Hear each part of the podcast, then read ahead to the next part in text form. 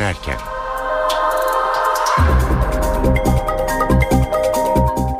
İyi akşamlar. Eve dönerken haberler başlıyor. Ben Tayfun Ertan. Günün haberleri ve yorumlarıyla yine saat 19.30'a kadar sizlerle beraber olacağız. Öne çıkan gelişmelerin özetiyle başlıyoruz.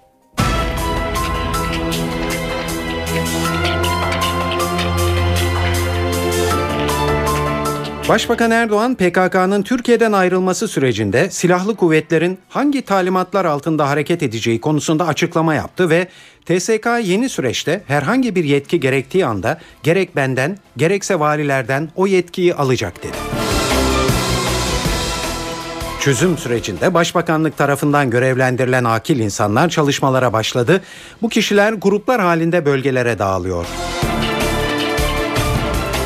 Bazı devlet kurumlarının isminin önündeki Türkiye Cumhuriyeti ibaresinin kaldırılmasına ilişkin tartışma büyüyor. Galatasaray Şampiyonlar Ligi'ne veda etti ama oynadığı futbolla göz doldurdu. Maç sonunda Jose Mourinho Galatasaray soyunma odasına girdi ve oyuncuları kutladı. Ve Newsweek dergisi dünyanın en etkili 125 kadınını belirledi. Listede Türkiye'den Serpil Timuray ve Oya Eczacıbaşı var.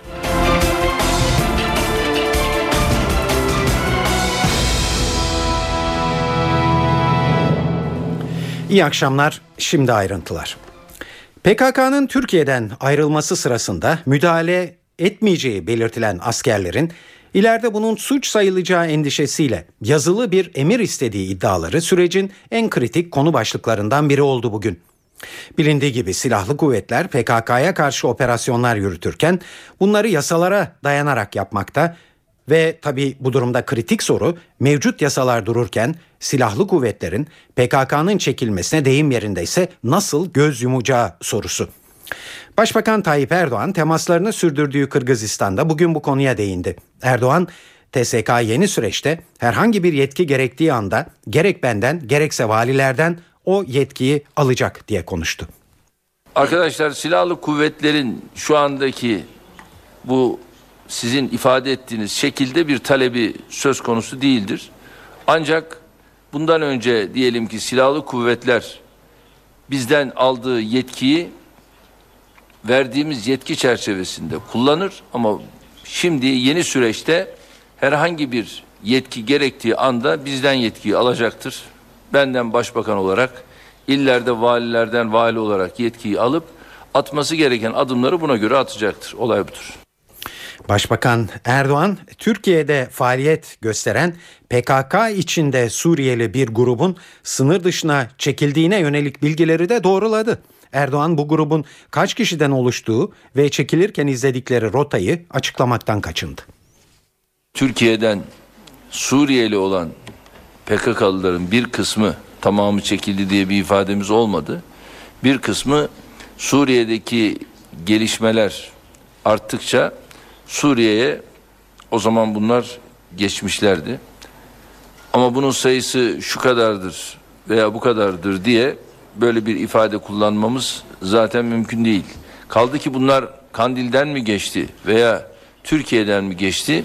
O da gizli bir konu. Ama geçtiği biliniyor, biliyoruz. Bunu zaten o zaman istihbari bilgiler olarak da almıştık. Çözüm süreciyle ilgili olarak da konuşan Erdoğan, süreç gayet iyi işliyor ama bu süreçle ilgili zaman vermek mümkün değil. Süreci sakin bir şekilde sürdürüyoruz diye konuştu. Şimdi bundan sonraki sürece yönelik bu süreç şu anda gayet iyi bir şekilde işliyor. Ama bu süreçle ilgili zaman vermek şu şekilde olacak veya bu şekilde olacak böyle bir şey söylemek mümkün değil. Bu bir çözüm sürecidir. Ve biz de bu süreci sakin bir şekilde sürdürmenin gayreti içerisindeyiz. Elimizden ne geliyorsa bunu yapacağız. Çünkü kan akmasın diyoruz, gözyaşı dursun diyoruz, analar ağlamasın diyoruz. Ve bunun içinde sorumluluk makamında, mevkiinde olan bir yönetim olarak bu süreçte her şeye rağmen ne olursa olsun bunu başarmanın gayreti içerisinde olacağız. Evet Başbakan Erdoğan son günlerin öne çıkan sorularına Kırgızistan'dan bu yanıtları veriyordu. Eve dönerken haberlerde yılbaşından beri çözüm süreciyle ilgili haberler geniş yer alıyor biliyorsunuz. Sizi bu konuda hiçbir konuyu dışarıda bırakmadan aslında gayet doyurucu bir şekilde bilgilendirmeye çalışıyoruz her gün. Ve tabii uzmanların görüşlerini yansıtıyoruz gün be gün. Bugün de çözüm sürecinin önemli aktörlerinden bir ismin son gelişmelere ilişkin değerlendirmelerini sunacağız. Bu kişi Başbakanın siyasi baş danışmanı Yalçın Akdoğan. Süreçteki tüm gelişmeleri bilmenin ötesinde süreci de yönlendiren bir kişi aslında. NTV Ankara temsilcisi Nilgün Balkaç kendisiyle özel bir mülakat yaptı ve ilk soru son günlerde Abdullah Öcalan'la PKK yönetimi arasındaki mektuplaşmadan sonra geri çekilme ile ilgili nasıl bir noktaya varıldığıydı. Akdoğan'ı dinliyoruz. Şimdi bu artık mektup gitti geldi vesaireyi bırakıp bir an önce bu bunu pratize etmek lazım. Yani verilen mesaj bellidir. Sürecin gerekleri bellidir. Bir an önce Türkiye'yi e, silahlı unsurların terk etmesi gerekiyor. Şimdi tabii bu sürecin amacı silahların bırakılması. Yani nihai amacı bu süreçten beklenen silahların bırakılması, örgütün bunu terk etmesi e, vesaire. Burada bu silahların ne olacağı konusu önemli bir konu. Yani bu silahlı tamam ben silah bıraktım demesi yeterli olmaz. Ortada çok ciddi bir silah potansiyeli var cephane vesaire. Bunların ne olacağı da önemli bir konudur. Ama neticede o günü geldiğinde bu güvenlik birimlerinin istihbarat, istihbarat birimlerinin teknik olarak çalışması gereken bir konudur. Sürecin o aşamasında bu teknik çalışmalar da yapılacaktır. Ama bu yani tamam ben bıraktım demekle olacak bir şey değildir. Ee, ondan sonra örgüt üyelerinin suça bulaşmamış olanlarının zaten dönmelerinde bir beis yok. E, mevcut eve dönüş yasası da e, belli bir düzenleme ortaya koyuyor. Onun dışında birileri başka bir ülkeye mi gitmek ister vesaire. Bu çok bizimle alakalı bir konu değil. E, o kendi e, verilerinin vereceği bir karar açıkçası. E, Sayın Akdoğan çekilmenin ne kadar sürede ve nasıl tamamlanacağı çok merak e, ediliyor. Ve en geç Haziran ayı olarak bir tarih öne çıktı. E, siz her şeyin planlandığı şekilde gidiyor diyebilir misiniz ve Haziran sizce önemli bir takvim mi? Bu süreci yürütenler yani istihbarat örgütümüz bu görüşmeyi yapanlar elbette bir takım takvimler üzerinde çalışıyorlardır. Bu görüşmelerde belli takvimler gündeme geliyordur. Ama dışarıdan bizim şu tarihte illa bu olmalıdır gibi bir tarih telaffuz etmemiz çok doğru değil. Ama bu çok uzun zamana yaymadan yani kısa vadede halledilmesi gereken bir aşama. Yani Türkiye'yi terk etmeleri e, uzun bir zamana yayılacak bir konu değil. Yani kısa vadede bu adımın atılması gerekiyor. Üçüncü aşamada e, pişmanlık yasası adı olmasa da bir topluma kazandırma yasası gündeme gelmesi partinizden de seslendirildi. Böyle bir konu gündeme gelecek mi Sayın Şimdi Akdoğan? Bu çok soruluyor. Ev hapsi olur mu? İşte af olur mu? Vesaire. Sayın Başbakanımız bunu defaatle izah etti. Yani şu anda böyle bir konu yok. Yani devam eden süreçte bu görüşmelerde e, Öcalan'la yapılan görüşmelerde de bu konular gündeme getirilmiş konular değil. Yani ev hapsi mi olsun, Öcalan durumu ne olsun, işte af mı olsun vesaire bunlar şu anda gündemde olan, konuşulan konular değil. Sayın Başbakanımız da çok net açıklamalar yaptı.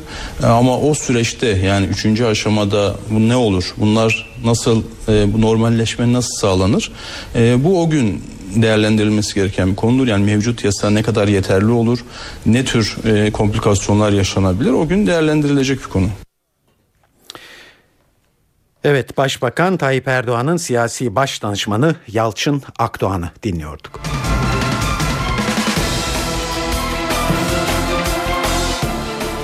Çözüm sürecinde mecliste artık bir araştırma komisyonu görev yapacak. Dün akşam mecliste AKP ve BDP'nin oylarıyla çözüm sürecini değerlendirme komisyonu kuruldu ve bu komisyonla ilgili olarak dün genel kurulda büyük bir tartışma yaşanmıştı.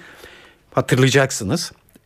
Bu komisyonun ne yapacağı ve ne kadar süreyle çalışacağı bugün öne çıkan konu oldu. Eldeki bilgileri NTV muhabiri Ercan Gürses derledi. Komisyon önümüzdeki hafta içerisinde resmi olarak kurulacak üye bildirimi tamamlandıktan sonra ve komisyonun yapacağı ilk işlerden birisi eski PKK'ları ve PKK'ların ailelerinin yanı sıra şehit ailelerini de dinlemek olacak. Komisyon aynı zamanda bölgeye ziyaret de yapacak. Sivil toplum kuruluşu temsilcilerini dinleyecek. PKK'nın halk üzerine kurduğu baskı iddialarının yanı sıra köy yakma iddiaları ve bununla birlikte e, bölgede 93 ve 98 dönemi içerisinde PKK'nın geri çekilmeleri sırasında yaşandığı iddia edilen olay olayların da komisyon tarafından araştırılması bekleniliyor. Komisyonda aynı zamanda Özal suikast iddiası da değerlendirilecek. Özal'ın Kürt sorunu ile ilgili çözüm önerileri de bir anlamda aile üyelerinin de davet edilmesiyle masaya yatırılabilir. Komisyonun şöyle bir opsiyonu da var. Komisyon yurt dışına da gidebilir. Daha önce teröre çözüm arayışında olan ve bununla ilgili çeşitli adımlar atan İspanya ve İngiltere gibi ülkelere ziyaretler de söz konusu olabilir. Komisyon resmen kuruldu ama önümüzdeki hafta içerisinde üye bildirimi yapılacak. Komisyon normalde 17 kişilik bir komisyon ama CHP ve MHP'nin üye vermeyeceklerini açıklamasının ardından 10 AK Partili ve 1 BDP'li tarafından oluşturulacak. 3 ay çalışacak ve 3 ay sonunda da bir rapor hazırlayıp meclis başkanlığına sunacak. Çözüm sürecinde Başbakanlık tarafından görevlendirilen akil insanlar çalışmalara başladı. Bu kişiler gruplar halinde bölgelere dağılıyor şimdi. Kendilerinden beklenen çözüm sürecinde halkın nabzını tutmak. Süreci anlatmak, endişeleri gidermekte yine onların öne çıkartacağı konular. Güneydoğu Anadolu heyeti bu akşam Diyarbakır'da çalışmalara başlıyor. Ayrıntıları da NTV Güneydoğu temsilcisi Nizamettin Kaplan anlatıyor. Güneydoğu Anadolu bölgesindeki heyette 9 isim yer alıyor. Bu isimler e, Yılmaz Ensaroğlu, Başkan Kezban Hatemi, Başkan Vekili Mehmet Emin Ekmen, Sekreter Murat Belge, Fazıl Hüsnü Erdem, Yılmaz Erdoğan, Etyen Mahçupyan, Lami Özgen ve Ahmet Faruk Ünsal. Bu 9 isim bu akşam Diyarbakır'a gelecek eğer bir değişiklik olmazsa programda ve önce kendi aralarında bir değerlendirme yapacaklar. Yarın sabah itibariyle de temaslarına başlayacaklar. Peki kimlerle görüşecekler? Ee, muhtemelen e, sivil toplum örgütlerinin temsilcileriyle bir araya gelecek heyet üyeleri, yine siyasi partilerin temsilcileri, muhtarlar ve farklı inanç gruplarından insanlarla görüşmeleri söz konusu olacak. Diyarbakır'daki program iki gün devam edecek ve bu iki gün sonrasında da akil insanlar heyetinin e, Ankara veya İstanbul'a mı döneceği yoksa bölgenin bir başka kentinde mi temaslarına devam edeceği şu anda netlik kazanmış değil. Muhtemelen yarın sabah heyet temaslarına başlamadan önce kamuoyunu da bu anlamda bilgilendirmiş olacak. Bir bilgilendirme toplantısı yapacak ve daha sonra da temaslarına başlayacak. E, aldığımız ve edindiğimiz bilgilere göre e, bu temasların e, neredeyse tamamını da basın mensupları izleyebilecek. Dediğim gibi iki gün sürecek gezi ve ardından da muhtemelen başka e, illere de e, bir gidiş söz konusu olacak. Bazı devlet kurumlarının isminin önündeki Türkiye Cumhuriyeti ibaresinin kaldırılmasına ilişkin tartışma büyüyor. Muhalefet uygulamayı başlatan Sağlık Bakanı Mehmet Müezzinoğlu'nu hedef alırken BDP uygulamayı destekliyor. Cumhuriyet Halk Partili Haluk Koç, Bakan Müezzinoğlu'nun Balkan göçmeni olduğu için Türkiye'de bir süre vatansız statüsünde yaşandığını söyledi. Sayın Müezzinoğlu Yunan Yurttaşlık Yasası'nın 19. maddesi gereği haksız şekilde 3 yıl boyunca haymatlos kaldı. Yani vatansız kaldı. Sayın Bakan acaba o dönemdeki vatansız olarak tarif edilen haymatloz dönemdeki kimliğini, kişiliğini mi çok özledi? Şimdi artık mensubu olduğu Türkiye Cumhuriyeti yurttaşlığının yine mensubu olduğumuz Türkiye Cumhuriyeti Devleti'nin ibaresini bağlı olduğu bakanlıklardan kaldırma gayretine girişti. Evet bu sözler Cumhuriyet Halk Parti'den Haluk Koç'a ait. MHP Grup Başkan Vekili Oktay Vural da Sağlık Bakanı Müezzinoğlu'na tepki gösterenlerdendi. 3 yıldır 3 yıl vatansız yaşayıp da Türkiye Cumhuriyeti vatandaşlığını almak için çırpınan bir sağlık bakanı ezanın merkezde var o diğerlerine gerek yok. Gözüne mi batıyordu? Evet muhalefetten, CHP'den ve MHP'den aynı tepkiler geldi bugün e, Sağlık Bakanı Müezzinoğlu'na. Hükümet ise ortada bir yanlış anlama olduğu görüşünde. Gümrük ve Ticaret Bakanı Hayati Yazıcı endişeye mahal bir durum yok diyor. Yani Cumhuriyet hepimizin kazanımı.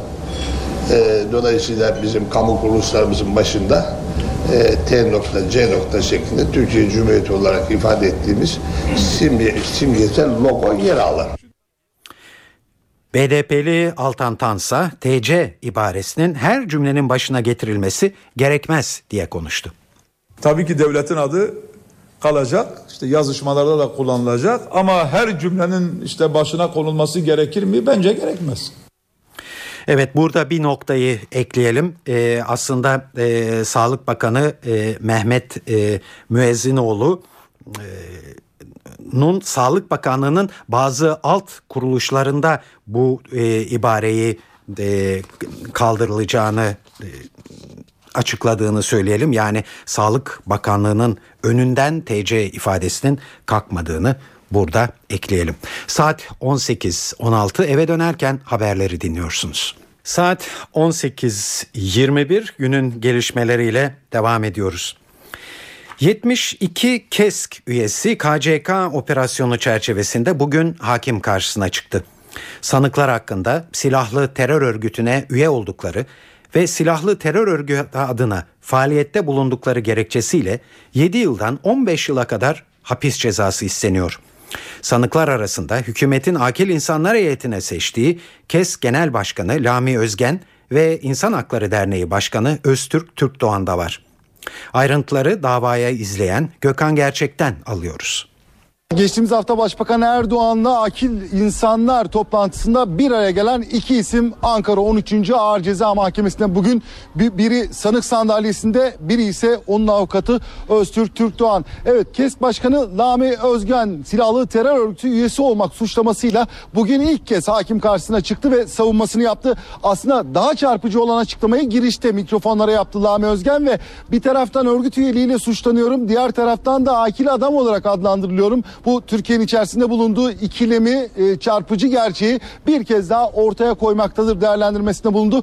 Örgüt üyeliği suçlamasını reddetti. Keskin gerçekleştirdiği toplantılar, sivil toplum e, eylemleri örgüt faaliyeti gibi gösterilmiştir dedi Lami Özgen ve bunlar barışçıl demokratik eylemlerdir. Kürt sorununa duyarlıyız, inkarcı politikalara karşıyız. Savcının Kürt emekçilere karşı tutumu ayrımcıdır, hasmanedir değerlendirmesinde bulundu. Lami Özgen evet 72 isim hakkında PKK'nın şehir örgütlenmesi olan KCK üyesi olmak suçlamasıyla dava açıldı. Bunlardan 28'i tutuklu. Avukatların talebi tutuklu isimlerin serbest bırakılması, tahliye edilmesi.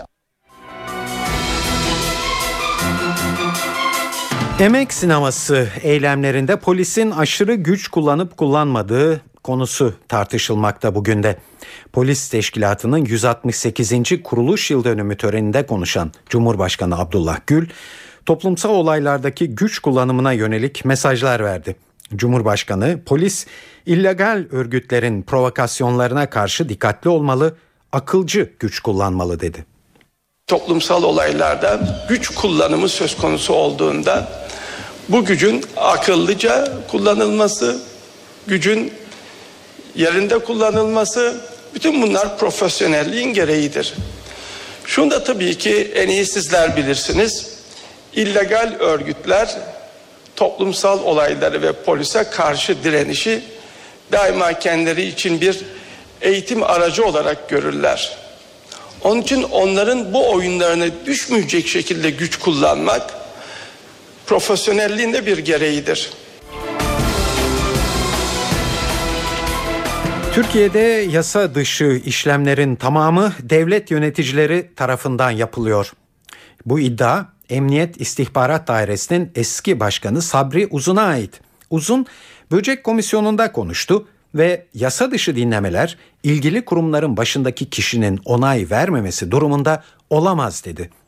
Eski CHP Genel Başkanı Deniz Baykal ve MHP'li Başkanlık Divanı üyelerine yönelik kaset komplolarını bir haftada çözeceğini iddia eden Sabri Uzun ancak bunun için birilerinin kendilerine bu işi yap demesi gerektiğini söyledi siyasi iradeye de vurgu yaptı.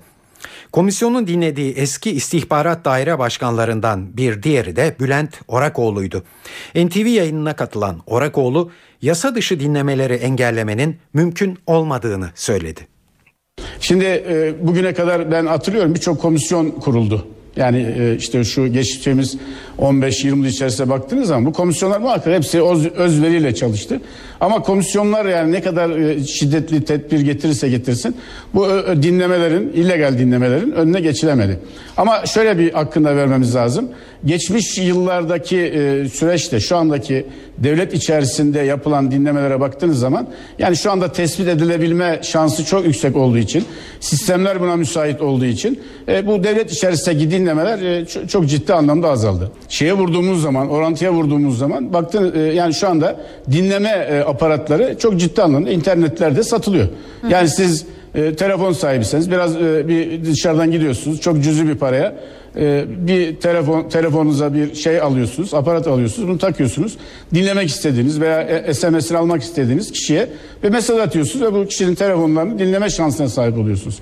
Yani bu bakımdan bu bunlar kim olabiliyor? Kişinin en yakınları da olabiliyor.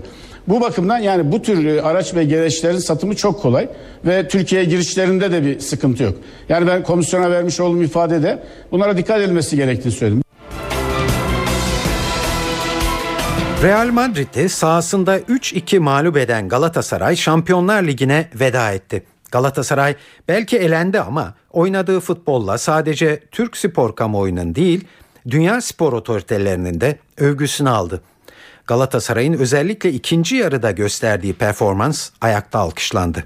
Maç sonunda Galatasaray Teknik Direktörü Fatih Terim'i ilk kutlayan rakip takımın hocası Jose Mourinho'ydu. Mourinho bu tebrikle de yetinmedi. Galatasaray soyunma odasına indi. Galatasaraylı oyuncuları kutladı. Mourinho'nun maç sonunda yaptığı açıklama şöyleydi. İki farklı 45 dakika oldu. İlk yarı oyunu kontrol eden ve golü bulan taraf bizdik. Herkes her şeyin bittiğini düşündü. Ancak ikinci yarı muhteşem bir Galatasaray izledik. Futbolu güzel kılandı bu tip olaylar. İnsanlar futbolu bu nedenle seviyor. Her şey bir anda değişebiliyor. Galatasaray iyi oyununun yanı sıra duygusal olarak da bizden üstündü. Kazanmak için ellerinden gelen her şeyi yaptılar. 3-1'den sonra açıkçası korktuk. Ancak tekrar topa hakim olup kontrolü ele aldık ve oyun bizim açımızdan normale döndü. Galatasaray bu maçı kazanmayı hak etti ve bu turnuvaya büyük bir gururla veda etti. Ben de takımım elenseydi bu şekilde elenmesini isterdim. Evet Galatasaray Teknik Direktörü Fatih Terim de taraftara tur hediye edemediklerini ama gurur veren bir futbol ortaya koyduklarını söyledi. Dünyanın en iyi takımlarından birini yendikleri için de oyuncularımla gurur duyuyorum. Bugün muhteşem bir 15 dakikadan sonra iyi oynadık ama ikinci yarı çok daha iyi oynadık. Onlar e, galip geldiler. Belki turu getirmedik ama e, dünyanın saygısını getirdik diye düşünüyorum. Oynadığımız oyunla Avrupa'nın en azından E, ve de gurur tablosu geldi. Bu hoş. E, buradan benim söyleyeceğim şu var. Ben geldiğim zaman şunu ifade etmiştim. Tüm Galatasaraylıların gurur duyacağı bir takım. Yense de, yenilse de demiştim. Bugün onu görmenin mutluluğunu yaşıyorum. Suriye ile sınır kapılarının kapatılması uluslararası nakliye seferlerini olumsuz etkiliyor. Sınırın kapatılmasıyla normalde Suudi Arabistan'a karayoluyla 14 günde yapılan seferler deniz yoluyla 60 güne çıkmış durumda. Benzer sıkıntılar Suudi Arabistan'dan Türkiye'ye dönüşler için de geçerli tabi. Suudi Arabistan'da çok sayıda tır şoförü Türkiye'ye ulaşmak için deniz yolunu kullanıyor. Bugün de yaklaşık 50 gündür Mısır'da bekleyen 400 tır şoföründen 60'ı Roro gemisiyle İskenderun limanına ulaştı. NTV muhabiri Hasan Uylaş anlatıyor. Yaklaşık 400 Türk tır şoförü Mısır'ın Port limanında 55 günü aşkın süredir Türkiye'ye dönebilmek için gemi bekliyor. Suriye'de yaşanan iç savaş sonrası Türk Dışişleri Bakanlığı güvenlik gerekçesiyle Cilve Gözü sınır kapısını ulaşıma kapatmıştı. Bu durum en çok uluslararası nakliye sektörünü etkilemişti. Nakliyecilerin problemine çare bulmak için birkaç ay öncesinde Mısır'la Türkiye arasında Rora seferleri başlatılmıştı. Ancak bu durumda uluslararası nakliye sektörünün sorunlarına çare olmadı. Karayoluyla Suudi Arabistan'a 14 günde yapılan seferler Roro gemileriyle 60 günde yapılmaya başlandı. Az önce de söylemiştim yaklaşık 400 tır, tır şoförü de 55 gün aşkın süredir Mısır'da Port Said limanında Türkiye'ye dönebilmek için gemi bekliyor. Problemlerin en büyük sebebi Roma, Roro gemisi bulunmayışı. Bu Bunun en büyük problemi işte sabah saatlerinde de Roro gemisi bulan 60 şanslı tır şoförü de sabah saatlerinde İskenderun limanına geldi ancak yaşanan sıkıntıları dile getirmek için sorunlara çare bulmak için eylem yaptılar. Suriye'de yaşanan iç savaş sonrası Cilve Gözü sınır kapısı Temmuz ayında ulaşıma kapatılmıştı. Bu durum nakliye sektörünü olumsuz etkiledi. Nakliye sektörünün sorunları da halen devam ediyor. Saat 18.31 NTV Radyo'da eve dönerken haberlere para ve sermaye piyasalarında bugünkü gelişmelerle devam edeceğiz.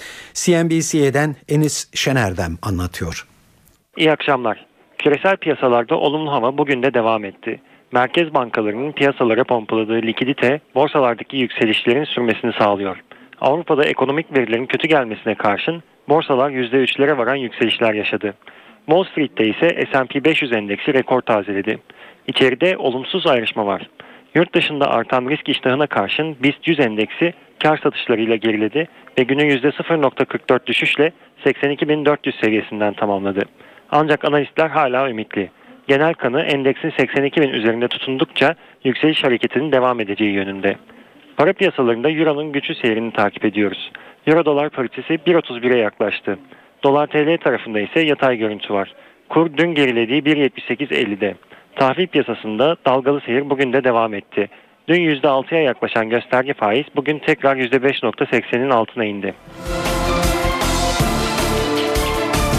Evet para ve sermaye piyasalarında durum bu. Ee, şimdi de yurt genelinde hava durumuna e, bir göz atacağız. NTV Meteoroloji Editörü Gökhan Abur'a kulak veriyoruz. İyi akşamlar. Batıda sıcaklıklar yükselmeye başladı. Hafta sonu yurt genelinde daha da yükselmesini bekliyoruz. Önümüzdeki hafta kuvvetli Poyraz ve yağış Trakya'dan başlayarak sıcaklıkları yeniden azaltacak. Yarın Karadeniz iç ve doğudaki yağışlar aralıklarla devam edecek. Yağışların özellikle Mardin ve Rize Artvin arasında çok daha kuvvetli olmasını bekliyoruz. Gün içinde Trakya'da artacak bulutlanma, Trakya ve Marmara'nın güneyinde hafif yağışlar bırakabilir. Cuma günü batıda yağış beklemiyoruz. Doğuda ise aralıklarla devam edecek. Cumartesi günü yurt genelinde sıcaklıklar yükselirken yağış da görülmeyecek. Pazar günü ise batı bölgeler Trakya'dan başlayarak yeniden yağışlı havanın etkisine girecek. İstanbul'da sıcaklıklar artıyor. Yarın 17 derece olacak ama kısa süreli yağmur geçişleri de bekliyoruz gece sıcaklığı 10 derece. Ankara'da yarın sıcaklık 15 derece, sabah hava güneşli. Akşama doğru ise hafif de olsa yağış başlayacak, gece sıcaklığı 4 dereceye inecek. İzmir yarın güneşli, rüzgar oldukça zayıf. Sıcaklık 22 dereceye kadar çıkacak. Gece sıcaklığı ise 11 derece olacak. Hepinize iyi akşamlar diliyorum. Hoşçakalın. Saat 18.38 eve dönerken haberlere günün öne çıkan gelişmelerinin özetiyle başlıyoruz.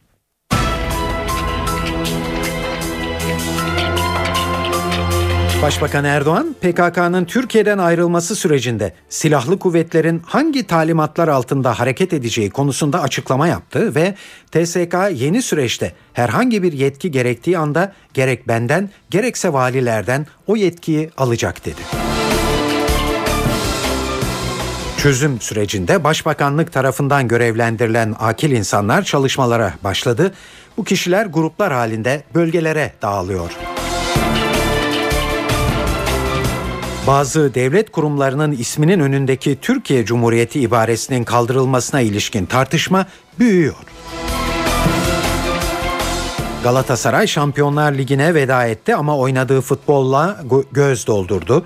Maç sonunda Jose Mourinho Galatasaray soyunma odasına indi ve oyuncuları kutladı.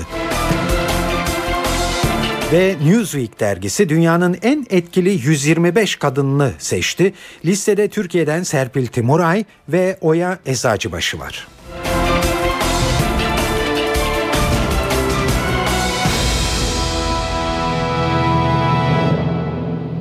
Şimdi dünyada en çok konuşulan haberlerle devam ediyoruz ve Kuzey Kore birinci sırada geliyor. Evet Kore Yarımadası'ndaki gerilim güneyde gösterilere neden oldu. Seul'de toplanan bir grup Kuzey Kore lideri Kim Jong-un'u protesto etti.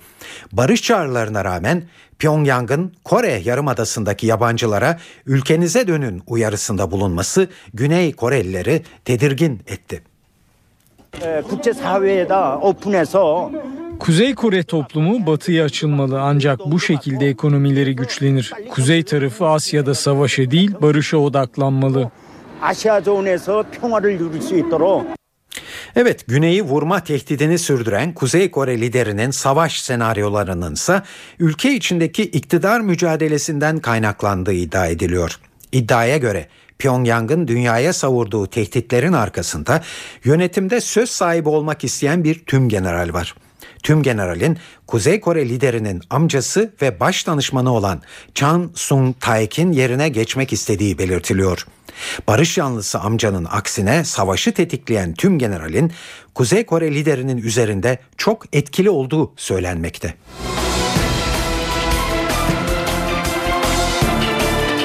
Yurt dışındaki banka hesapları hakkında yalan söyleyerek devlet başkanı François Hollande'ı zor durumda bırakan eski Fransa Bütçe Bakanı Jérôme Cahuzac Sosyalist Parti'den ihraç edildi.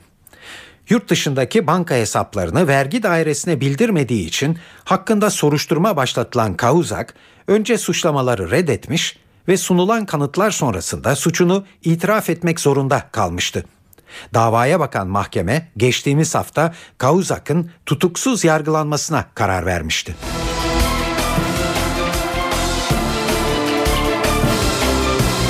Ermenistan'da ikinci Serj Sarkisyan dönemi protesto gösterileriyle başladı. Seçim sonucunun hileli olduğunu iddia eden binlerce kişi Sarkisyan'ı protesto etmek için başkent Erivan'da bir araya geldi. Sarkisyan'ın seçimde mağlup ettiği rakibi Rafi Hovanisyan da protesto gösterisindeydi. Hovanisyan Özgürlük Meydanı'nda kendi yemin törenini düzenledi.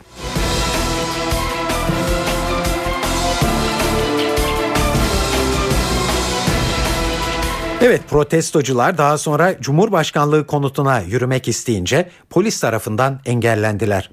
Protestonun yapıldığı yerden birkaç kilometre uzaklıktaysa Sarkisyan yaklaşık 2000 konuğun katıldığı törende yemin etti.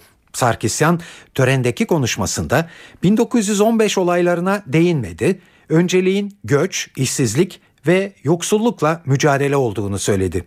Sarkisyan Dağlık Karabağ sorununa barışçıl çözüm umudunu da dile getirdi.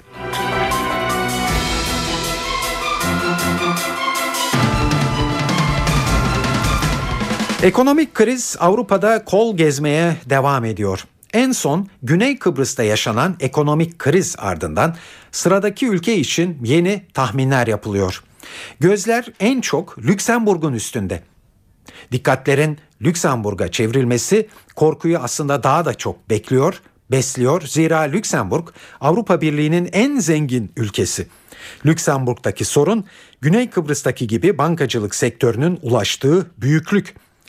Bankalardaki toplam mevduat tutarı ekonominin 22 katına ulaşmış durumda.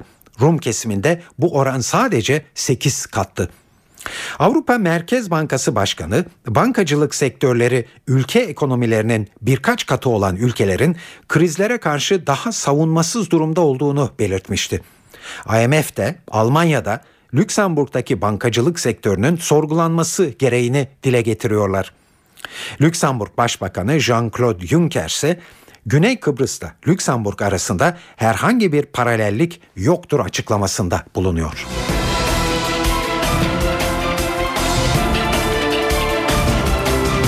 Irak'ta Saddam rejiminin sona erişinin simgesi olarak Bağdat'ın göbeğindeki Saddam Hüseyin heykelinin yerle bir edilmesinin ardından tam 10 yıl geçti.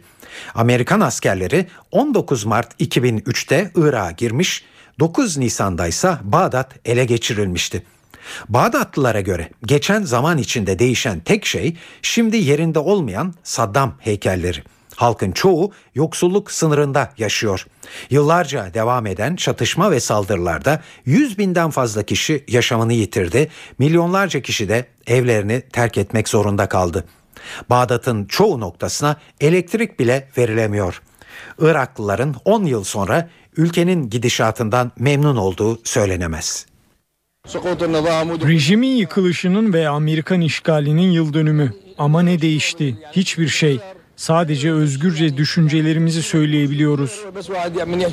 Bugüne yıl dönümü diyebilirsiniz ama bence değil. Güvenlikte, siyasette, ekonomide iyiye gidiş yok. İnsanlar yaşananlardan yorgun.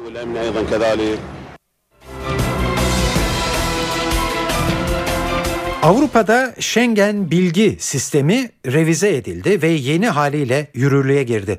Sınır güvenliği gibi konulara ilişkin bilgilerin toplanması ve paylaşılması konusunda oluşturulan haber alma ağı ilkinden daha etkili bir sistem.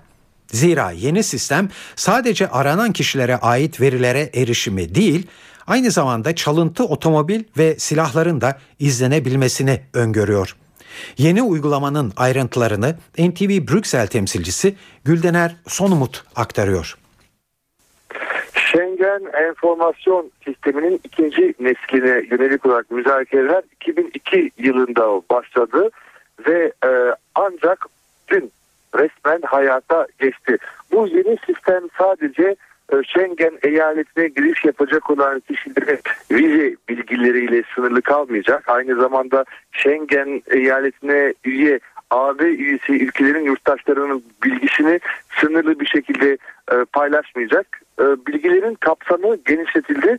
Özellikle e, kayıp insanlar, çocuklara yönelik olarak aranan çocuklar, kayıp olan çocuklar e, bilgileri yer alacak. Bununla birlikte özellikle araçların plakalarına yönelik olarak bilgiler de yer alacak.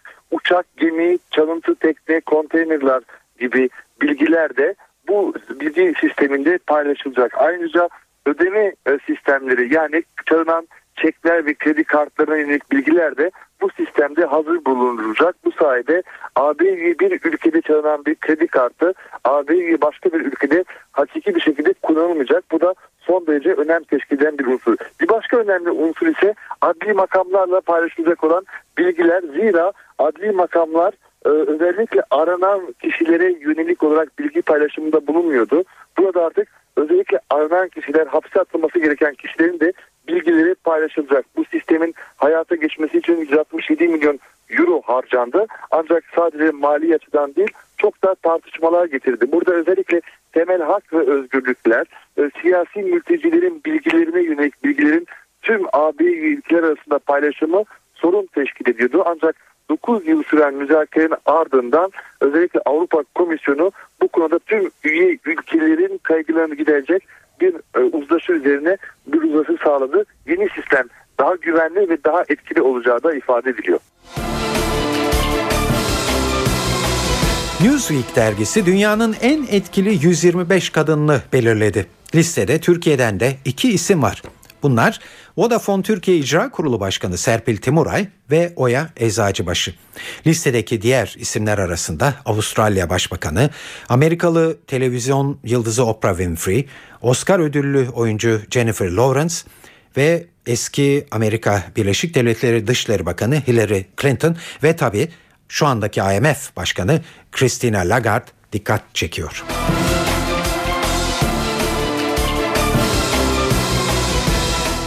Turkish Airlines Euro Lig'de Anadolu Efes'in çeyrek final macerası başlıyor.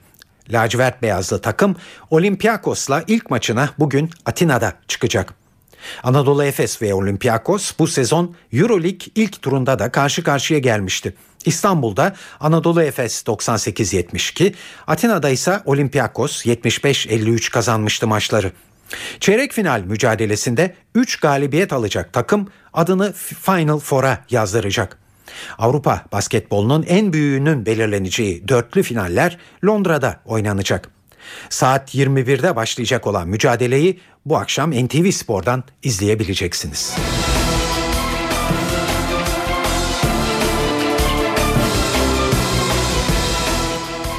Fenerbahçe'nin yarı final yolculuğu başladı.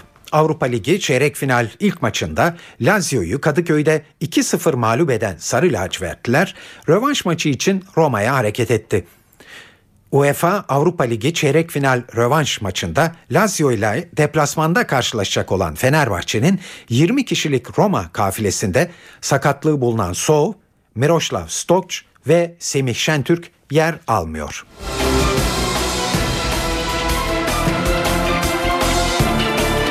Saat 18.50 yayınımıza e, yurt genelindeki hava durumuyla devam ediyoruz. Dün e, kış hali vardı İstanbul'da en azından. Bugün bahar havası var. Bundan sonra ne olacak? NTV Meteoroloji Editörü Gökhan Abur anlatıyor. İyi akşamlar. Batıda sıcaklıklar yükselmeye başladı. Hafta sonu yurt genelinde daha da yükselmesini bekliyoruz. Önümüzdeki hafta kuvvetli Poyraz ve yağış Trakya'dan başlayarak sıcaklıkları yeniden azaltacak. Yarın Karadeniz iç ve doğudaki yağışlar aralıklarla devam edecek. Yağışların özellikle Mardin ve Rize Artvin arasında çok daha kuvvetli olmasını bekliyoruz. Gün içinde Trakya'da artacak bulutlanma, Trakya ve Marmara'nın güneyinde hafif yağışlar bırakabilir. Cuma günü batıda yağış beklemiyoruz. Doğuda ise aralıklarla devam edecek. Cumartesi günü yurt genelinde sıcaklıklar yükselirken yağış da görülmeyecek. Pazar günü ise batı bölgeler Trakya'dan başlayarak yeniden yağışlı havanın etkisine girecek. İstanbul'da sıcaklıklar artıyor. Yarın 17 derece olacak ama kısa süreli yağmur geçişleri de bekliyoruz gece sıcaklığı 10 derece. Ankara'da yarın sıcaklık 15 derece, sabah hava güneşli. Akşama doğru ise hafif de olsa yağış başlayacak, gece sıcaklığı 4 dereceye inecek. İzmir yarın güneşli, rüzgar oldukça zayıf. Sıcaklık 22 dereceye kadar çıkacak. Gece sıcaklığı ise 11 derece olacak. Hepinize iyi akşamlar diliyorum. Hoşçakalın.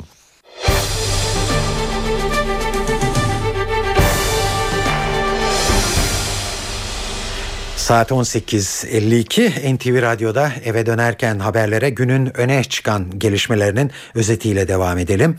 Başbakan Erdoğan PKK'nın Türkiye'den ayrılması sürecinde silahlı kuvvetlerin hangi talimatlar altında hareket edeceği konusunda açıklama yaptı ve TSK yeni süreçte herhangi bir yetki gerektiği anda gerek benden gerekse valilerden o yetkiyi alacak diye konuştu.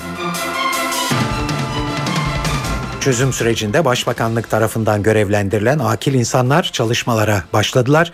Bu kişiler gruplar halinde bölgelere dağılıyor. Bazı devlet kurumlarının isminin önündeki Türkiye Cumhuriyeti ibaresinin kaldırılmasına ilişkin tartışma büyüyor.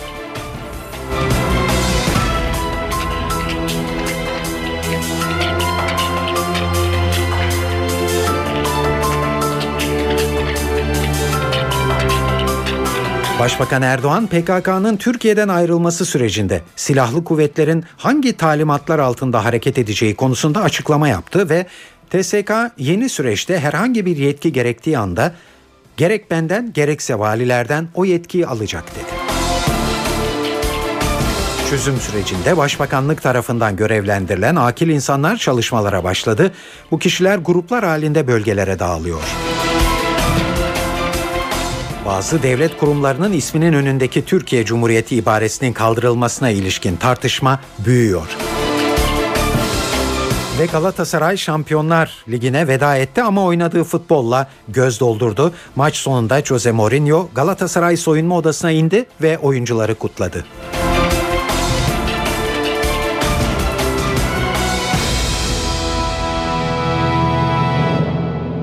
Şimdi ayrıntılar.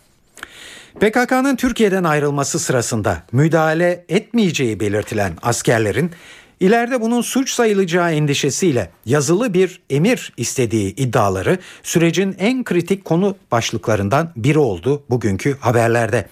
Bu sorunun yanıtı Başbakan Tayyip Erdoğan'dan geldi bugün. Erdoğan Kırgızistan'da bir soru üzerine bu konuya değindi ve TSK yeni süreçte herhangi bir yetki gerektiği anda bu yetkiyi gerek benden gerekse valilerden alacak dedi. Arkadaşlar silahlı kuvvetlerin şu andaki bu sizin ifade ettiğiniz şekilde bir talebi söz konusu değildir. Ancak bundan önce diyelim ki silahlı kuvvetler bizden aldığı yetkiyi verdiğimiz yetki çerçevesinde kullanır ama şimdi yeni süreçte herhangi bir yetki gerektiği anda bizden yetkiyi alacaktır. Benden başbakan olarak illerde valilerden vali olarak yetkiyi alıp atması gereken adımları buna göre atacaktır. Olay budur. Evet başbakan e, bu açıklamaları sırasında birkaç kritik konuya daha değindi. E, Türkiye'de e, faaliyet gösteren PKK'lılar içinde Suriyeli bir grubun sınır dışına çıkmış olduğu e, bilgilerini doğruladı. Erdoğan bu grubun kaç kişiden oluştuğu ve çekilirken izledikleri rotayı açıklamadı. Türkiye'den Suriyeli olan PKK'lıların bir kısmı tamamı çekildi diye bir ifademiz olmadı.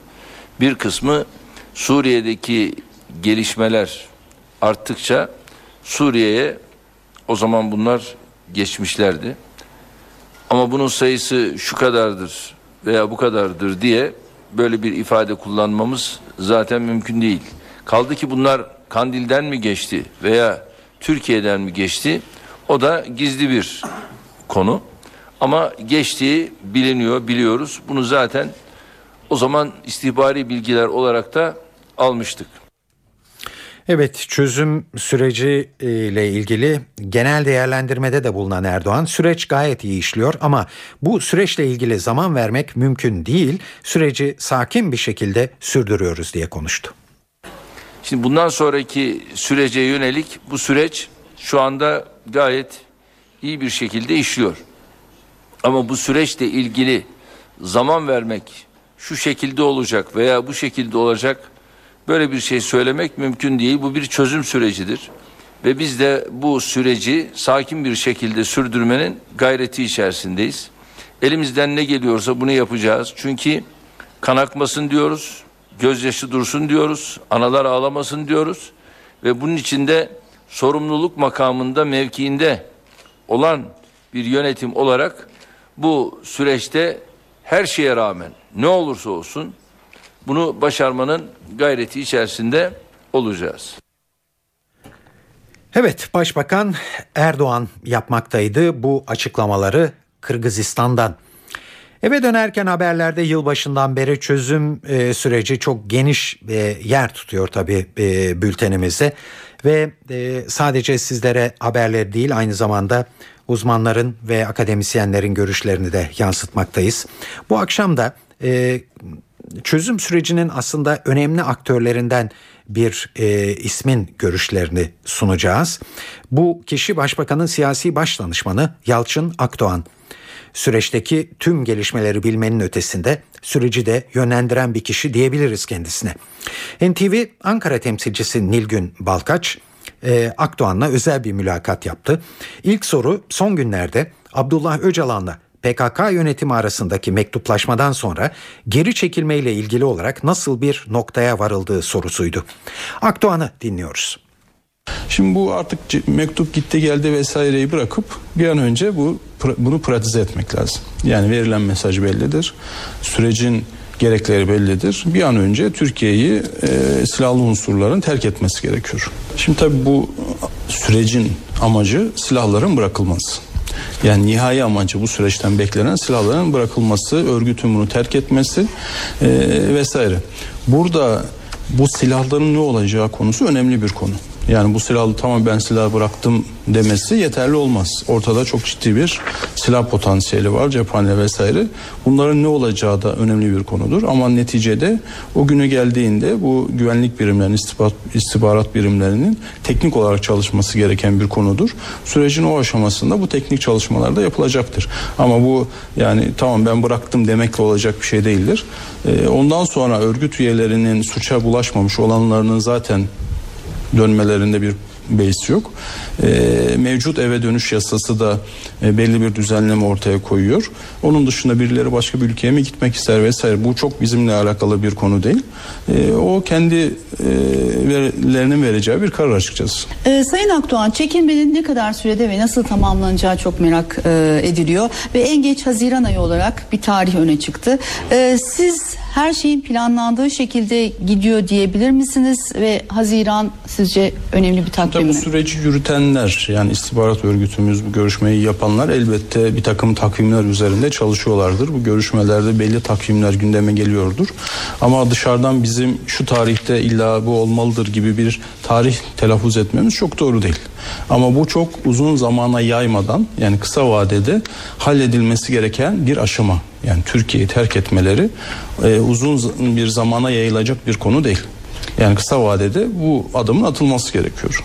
Üçüncü aşamada e, pişmanlık yasası adı olmasa da bir topluma kazandırma yasası gündeme gelmesi partinizden de seslendirildi. Böyle bir konu gündeme gelecek mi Sayın Şimdi Akdoğan? Bu çok soruluyor. Ev hapsi olur mu? İşte af olur mu? Vesaire. Sayın Başbakanımız bunu defaatle izah etti. Yani şu anda böyle bir konu yok. Yani devam eden süreçte bu görüşmelerde e, Öcalan'la yapılan görüşmelerde de bu konular gündeme getirilmiş konular değil. Yani ev hapsi mi olsun, Öcalan durumu ne olsun, işte af mı olsun vesaire bunlar şu anda gündemde olan, konuşulan konular değil. Sayın Başbakanımız da çok net açıklamalar yaptı. E, ama o süreçte yani üçüncü aşamada bu ne olur? Bunlar nasıl e, bu normalleşme nasıl sağlanır? E, bu o gün değerlendirilmesi gereken bir konudur. Yani mevcut yasa ne kadar yeterli olur? Ne tür komplikasyonlar yaşanabilir? O gün değerlendirilecek bir konu. Evet çözüm süreci üzerinde biraz daha durabiliriz. Ee, Başbakanlık tarafından görevlendirilen akil insanlar çalışmalara başladılar. Bu kişiler şimdi gruplar halinde bölgelere dağılıyor. Kendilerinden beklenen çözüm sürecinde halkın nabzını tutmak, süreci anlatmak, endişeleri gidermek. Güneydoğu Anadolu heyeti bu akşam Diyarbakır'da çalışmalara başlıyor. Ayrıntıları Diyarbakır temsilcimiz Nizamettin Kaplan'dan alıyoruz. Güneydoğu Anadolu bölgesindeki heyette 9 isim yer alıyor. Bu isimler e, Yılmaz Ensaroğlu, Başkan Kezban Hatemi, Başkan Vekili Mehmet Emin Ekmen, Sekreter Murat Belge, Fazıl Hüsnü Erdem, Yılmaz Erdoğan, Etyen Mahçupyan, Lami Özgen ve Ahmet Faruk Ünsal. Bu 9 isim bu akşam Diyarbakır'a gelecek eğer bir değişiklik olmazsa programda ve önce kendi aralarında bir değerlendirme yapacaklar. Yarın sabah itibariyle de temaslarına başlayacaklar. Peki kimlerle görüşecekler? E, muhtemelen e, sivil toplum örgütlerinin temsilcileriyle bir araya gelecek heyet üyeleri, yine siyasi partilerin temsilcileri, muhtarlar ve farklı inanç gruplarından insanlarla görüşmeleri söz konusu olacak. Diyarbakır'daki program iki gün devam edecek ve bu iki gün sonrasında da akil insanlar heyetinin e, Ankara veya İstanbul'a mı döneceği yoksa bölgenin bir başka kentinde mi temaslarına devam edeceği şu anda netlik kazanmış değil. Muhtemelen yarın sabah heyet temaslarına başlamadan önce kamuoyunu da bu anlamda bilgilendirmiş olacak. Bir bilgilendirme toplantısı yapacak ve daha sonra da temaslarına başlayacak. E, aldığımız ve edindiğimiz bilgilere göre e, bu temasların e, neredeyse tamamını da basın mensupları izleyebilecek. Dediğim gibi iki gün sürecek gezi ve ardından da muhtemelen başka e, illere de e, bir gidiş söz konusu olacak. Saat 19.15 ve bir e, futbol haberi daha doğrusu dün gecenin bir futbol haberi var. Real Madrid'i sahasında 3-2 mağlup eden Galatasaray Şampiyonlar Ligi'ne veda etti. Galatasaray belki elendi ama oynadığı futbolla sadece Türk spor kamuoyunun değil dünya spor otoritelerinin de övgüsünü aldı. Galatasaray'ın öncelikle ikinci yarı gösterdiği performans ayakta alkışlandı. Maç sonunda Galatasaray teknik direktörü Fatih Terim'i ilk kutlayan rakip takımın hocası Jose Mourinho'ydu. Mourinho bu tebrikle de yetinmedi. Galatasaray soyunma odasına indi. Galatasaraylı futbolcuları kutladı. Mourinho maç sonunda da şöyle konuştu. İki farklı 45 dakika oldu. İlk yarı oyunu kontrol eden ve golü bulan taraf bizdik. Herkes her şeyin bittiğini düşündü. Ancak ikinci yarı muhteşem bir Galatasaray izledik. Futbolu güzel kılandı bu tip olaylar. İnsanlar futbolu bu nedenle seviyor. Her şey bir anda değişebiliyor. Galatasaray iyi oyununun yanı sıra duygusal olarak da bizden üstündü. Kazanmak için ellerinden gelen her şeyi yaptılar. 3-1'den sonra açıkçası korktuk. Ancak tekrar topa hakim olup kontrolü ele aldık ve oyun bizim açımızdan normale döndü. Galatasaray bu maçı kazanmayı hak etti ve bu turnuvaya büyük bir gururla veda etti. Ben de takımım elenseydi bu şekilde elenmesini isterdim. Galatasaray Teknik Direktörü Fatih Terim ise taraftara tur hediye edemediklerini ama gurur veren bir futbol ortaya koyduklarını söyledi. Dünyanın en iyi takımlarından birini yendikleri için de oyuncularımla gurur duyuyorum. Bugün muhteşem bir 15 dakikadan sonra iyi oynadık ama ikinci yarı çok daha iyi oynadık. Onlar e, galip geldiler. Belki turu getirmedik ama e, dünyanın saygısını getirdik diye düşünüyorum. Oynadığımız oyunla Avrupa'nın en azından e, ve de gurur tablosu geldi. Bu hoş. E, buradan benim söyleyeceğim şu var. Ben geldiğim zaman şunu ifade etmiştim. Tüm Galatasaraylıların gurur duyacağı bir takım. Yense de, yenilse de demiştim. Bugün onu görmenin mutluluğunu yaşıyorum. Evet sırada kültür ve sanat faaliyetlerinden derlediğimiz kısa bir haber turumuz var.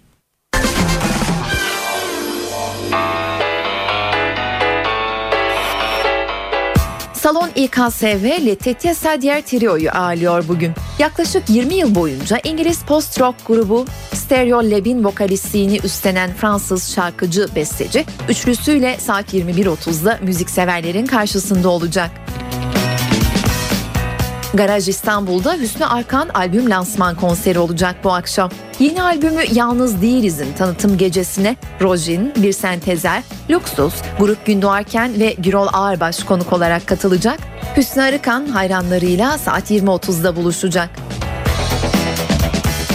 Direct ise Shaft Club'da müzikseverlerle bir araya geliyor. Üçüncü albümleri Son Ağaç'la hayranlarıyla buluşmaya hazırlanan grup, sevilen şarkılarını seslendirecek. Bilge Köse Balaban, Özgür Peştimalci, Alex Tintaru'dan oluşan grup saat 22'de sahnede olacak. Umut Perit Zefir Proje ise Alt İstanbul'a konuk oluyor. İkinci albümünü çıkarmaya hazırlanan davulcu Umut Perit'e saksafonda Çağdaş Oruç, gitarda Cansun Küçüktürk ve basta Cüneyt Saka eşlik ediyor. Etkinlik saat 21.30'da Alt Caz sahnesinde. Özge Fışkın hayranları için bir konser var sırada. Fışkın Beyoğlu Hayal Kahvesi'nde olacak. Sevilen şarkılarını seslendirecek Özge Fışkın saat 23.59'da sahnede. Tiyatro severler için önerilerle devam edelim. Jokond'la Siyah-U adlı oyun Ses 1885 Orta Oyuncular Tiyatrosu'nda sanatseverlerin beğenisine sunulacak. Jokond'la Siyah-U sosyalizmin Türkiye'ye gelişiyle ilgili Nazım Hikmet'in 1929 yılında kaleme aldığı fantastik bir şiir. Jokond'la Siyah-U, Zeliha Berksoy'un solo oyunculuk gösterisi. Nisan ayı boyunca her çarşamba Ses Tiyatrosu Orta Oyuncular sahnesi Beyoğlu'nda oynanacağını da belirtelim. Oyunun başlama saati 22.30. Kadıköy Halk Eğitim Merkezi'nde de sanat sahneye konuyor bu akşam. Ünlü Fransız yazar Yasmina Reza'nın yazıp Gencay Gürü'nün Türkçe'ye çevirdiği Atilla Şendel'in de yönetmenliğini üstlendiği oyunda Bekir Aksoy, Hakan Gerçek ve Rüzgar Aksoy rol alıyor. Oyun saat 20.30'da açıyor perdelerini. Kenter Tiyatrosu'ndan da bir önerimiz var. Alevli Günler oynanıyor Kenter Tiyatrosu'nda bugün. Çocukluğundan beri ayrılmayan 3 arkadaştan biri kanser olunca yaşadıklarını anlatan oyunu Irmak Bahçeci kaleme almış. Yıldıray Şahinler'in yönetmenliğini yaptığı oyunda rol alan isimlerse Cem Davran, Erkan Can, Yıldıray Şahinler, Bahtiyar Engin ve Selin Yeninci.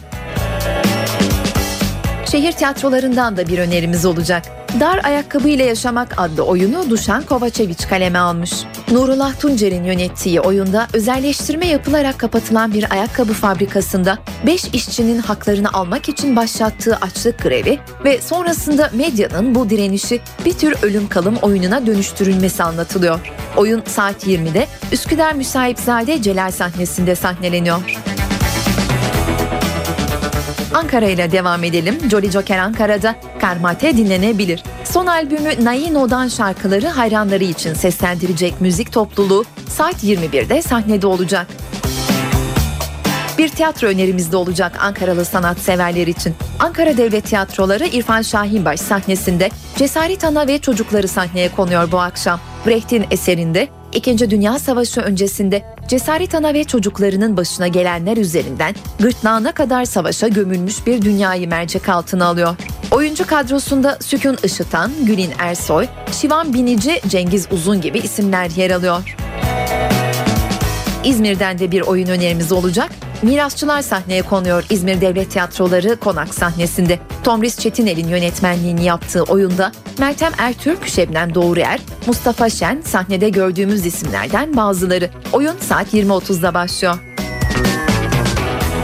Akşam evdeyseniz CNBC'de bugün Sabrina adlı film var. Sidney Pollack'ın yönettiği filmde zengin adamla fakir kızın aşkı anlatılıyor. Filmin başlama saati 22. Öncesinde ise saat 19'da CSI New York, 21'de de Political Animals adlı diziler ekranda olacak. E2'de ise saat 23'te Mad Men izlenebilir. Star TV'de de saat 20'de Muhteşem Yüzyıl adlı dizi gelecek ekrana. Eve dönerken haberler bu akşam da burada sona eriyor. Bu yayının editörlüğünü Onur Koçaslan, stüdyo teknisyenliğini Murat Çelik yaptı. Ben Tayfun Ertan. Hepinize iyi geceler.